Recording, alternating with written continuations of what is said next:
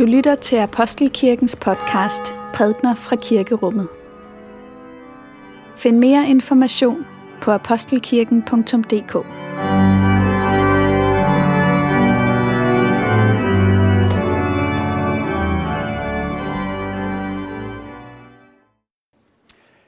Hellige Far i himlen, vi takker dig for alle de døde, som har befolket dit rige på jorden. Dem, der er husket og elsket, og de, hvis navn er glemte alle, undtagen dig. Glæd du dem i din bolig. Herre, alle sjæle er i din hånd, vi selv, og de, der skal leve efter os, hvis navne vi ikke kender. Derfor beder vi dig, behold os hos dig, mens mørket stiger om jorden. Giv os ordets lys og det salt. Giv os mod og glæde til at leve i verden som vidner for dig, til den store dag, da vi ser dit ansigt lyse over den nye jord, hvor du med Kristus lever og regerer i Helligåndens enhed, en sand Gud fra evighed og til evighed. Amen. Lad os takke for Guds ord. For Guds ord i skriften, for Guds ord i blandt os, for Guds ord inde i os, takker vi dig Gud. Og vi læser fra Matthæus evangeliet. I er jordens salt, men hvis saltet mister sin kraft, hvad skal det så saltes med? Det dur ikke til andet end at smides ud og trampes ned af mennesker. I er verdens lys. En by, der ligger på et bjerg, kan ikke skjules. Man tænder heller ikke et lys og sætter det under en skæppe, men i en stage, så det lyser for alle i huset. Således skal jeres lys skinne for mennesker, så de ser jeres gode gerninger og priser jeres far, som er i himlene. Lad os bede. Må min munds ord og vores hjerters tanker være dig til behag, Gud. Amen. Så blev det igen alle helgen. Det er jo ikke en højtid, som gør meget væsen af sig, men som alligevel taler på sin egen stilfærdige, eftertænksomme måde. Den taler om mennesker, der har betydet noget for os, men som ikke er her længere. Den taler til os om nogle af dem, der har været med til at, at tænde lys i vores liv, og tage os ved hånden, og give retning til vores liv. Og, og nogle er nok kommet i kirke i dag med sorg i sinde. De har lidt tab, og savner et menneske, som har været dem dyrebart. Og det er jo sådan med tabet af, som jeg læste en sociologiprofessor sige, at når man sørger, bliver selv danskerne klar over, at de ikke er helt så sekulære, som de troede. Så er det godt at komme ind i et rum, hvor man kan tænde et lys, og hvor sorgen kan få rum og plads og blive sat i en ramme, hvor den ikke er helt så ensom at bære på. For andre er alle helgen en anledning til at se tilbage og besinde sig på, hvem det i grunden er i vores liv, som har vist os vejen, som har fået betydning for vores udvikling, givet retning til vores liv. De mennesker, som i sin tid bar os til dåben, hvis vi er barnedøbt, eller den nærmeste familie, slægten, mennesker, vi læste om engang, og som gennem deres eksempel kom til at, og give en retning, som vi sigtede imod. Eller musikere, som vi hørte, som fik en, en særlig status i vores liv, som mennesker, der havde, der havde fundet en vej, som vi også gerne selv ville gå. Der er forskel på idoler og helgener. Idoler de har en tendens til at skabe mennesker, som bærer på en erfaring af egen underlegenhed. Man er der ikke helt selv. Helgener vækker noget andet i os. De vækker en, en, en længsel. Fordi at der i mødet med et menneske, en lysbærer, vækkes noget i os selv, som minder os om, hvor dybt knyttet vi er til selve universets centrum, til det bankende hjerte i det alt sammen. Hvor stort kaldet er over vores liv, og hvor let vi kommer til at spille vores liv med alt muligt andet. Sådan taler alle helgen til os på forskellige vis, alt efter hvor vi er i vores liv. I dagens tekst tales der om, at vi skal lade vores lys skinne, så mennesker kan se vores gode gerninger og prise, ikke os, men vores himmelske far. Og i dag mindes vi dem, som lod deres lys skinne for os. Et andet sted siger Jesus, jeg er verdens lys. Og i grunden er der jo ikke nogen modsætning mellem de to ting. For når andre mennesker har lavet lyset skinne for os, så er det i grunden ikke deres lys, men Guds lys, der har skint gennem dem. Ligesom solen kaster sit lys direkte ned på jorden. Men der er tider, hvor den ikke når dele af jorden. Og så er månen der.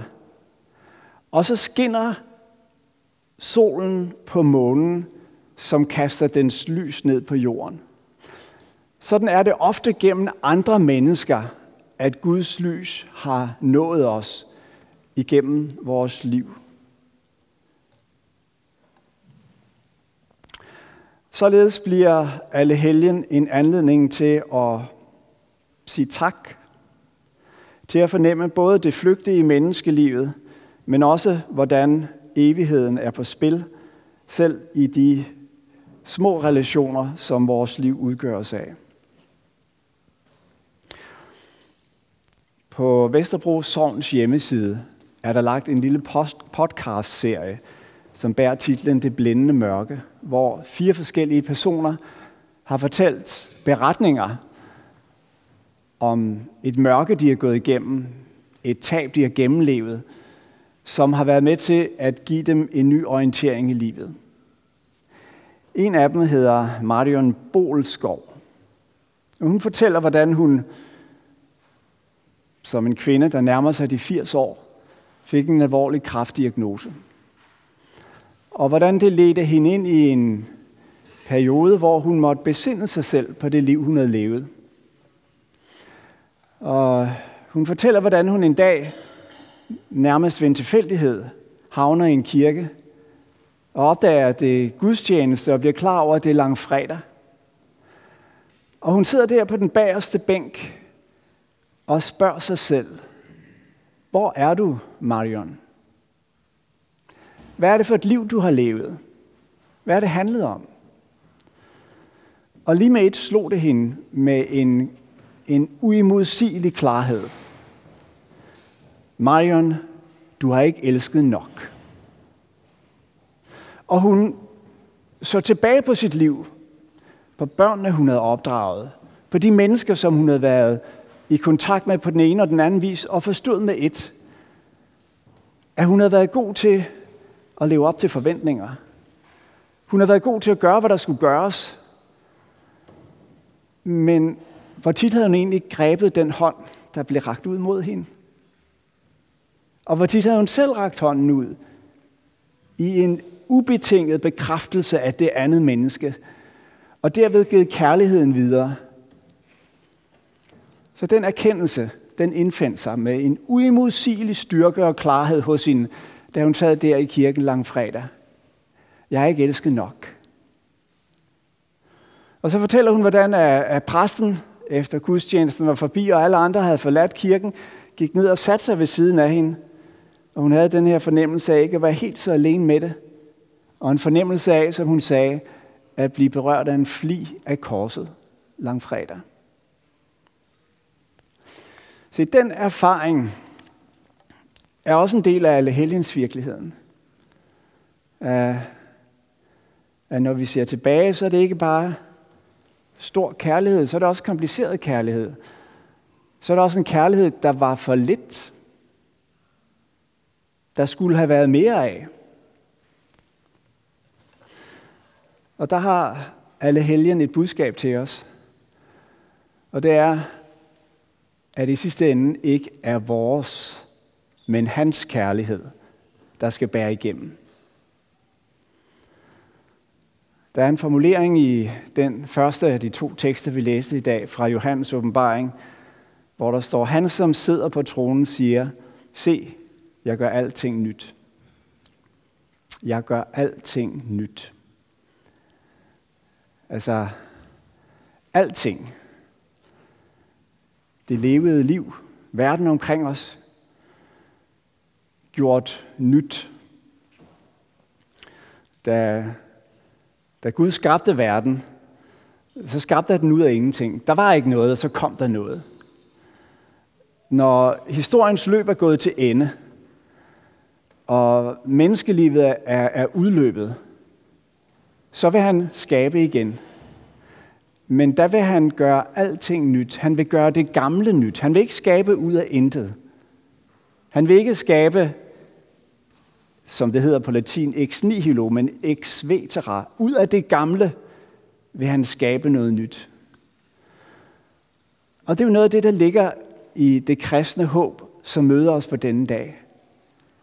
Der stod af, i, i den samme tekst, at han så den nye himmel og den nye jord og det nye Jerusalem komme ned fra oven. Altså, det er ikke sådan, at, vi mennesker skal flyttes et andet sted hen til en ny og anderledes verden. Nej, det er den her verden, der vil blive øh, forvandlet, vil blive oplyst, vil blive afklaret.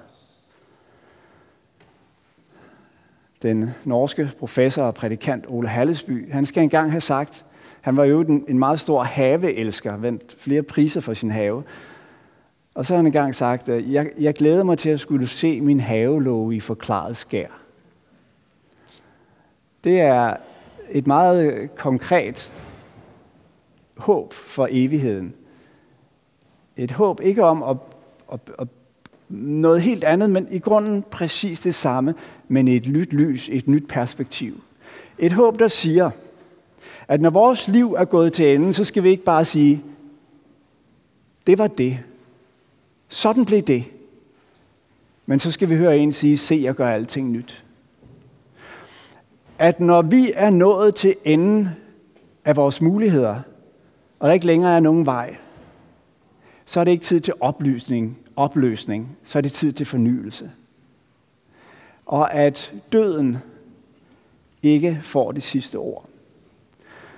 Og når vi siger det, så er det ikke bare, hvad skal man sige, håbløshedens forsøg på at, at finde et halmstrå, så er det ikke bare varm luft, så bygger det på, at der er sket noget i vores historie, som afgørende har ændret, hvad det vil sige at være menneske. At der er en begivenhed, som er historiens midte, og hvor udfra alt andet bliver forandret, og den begivenhed er Jesu Kristi død og opstandelse. Den viser os, er der er en kærlighed på spil her i verden, som er stærkere end døden. Og når vi kommer til kort og må sige, jeg har ikke elsket nok, så er det ikke tid til selvforsvar.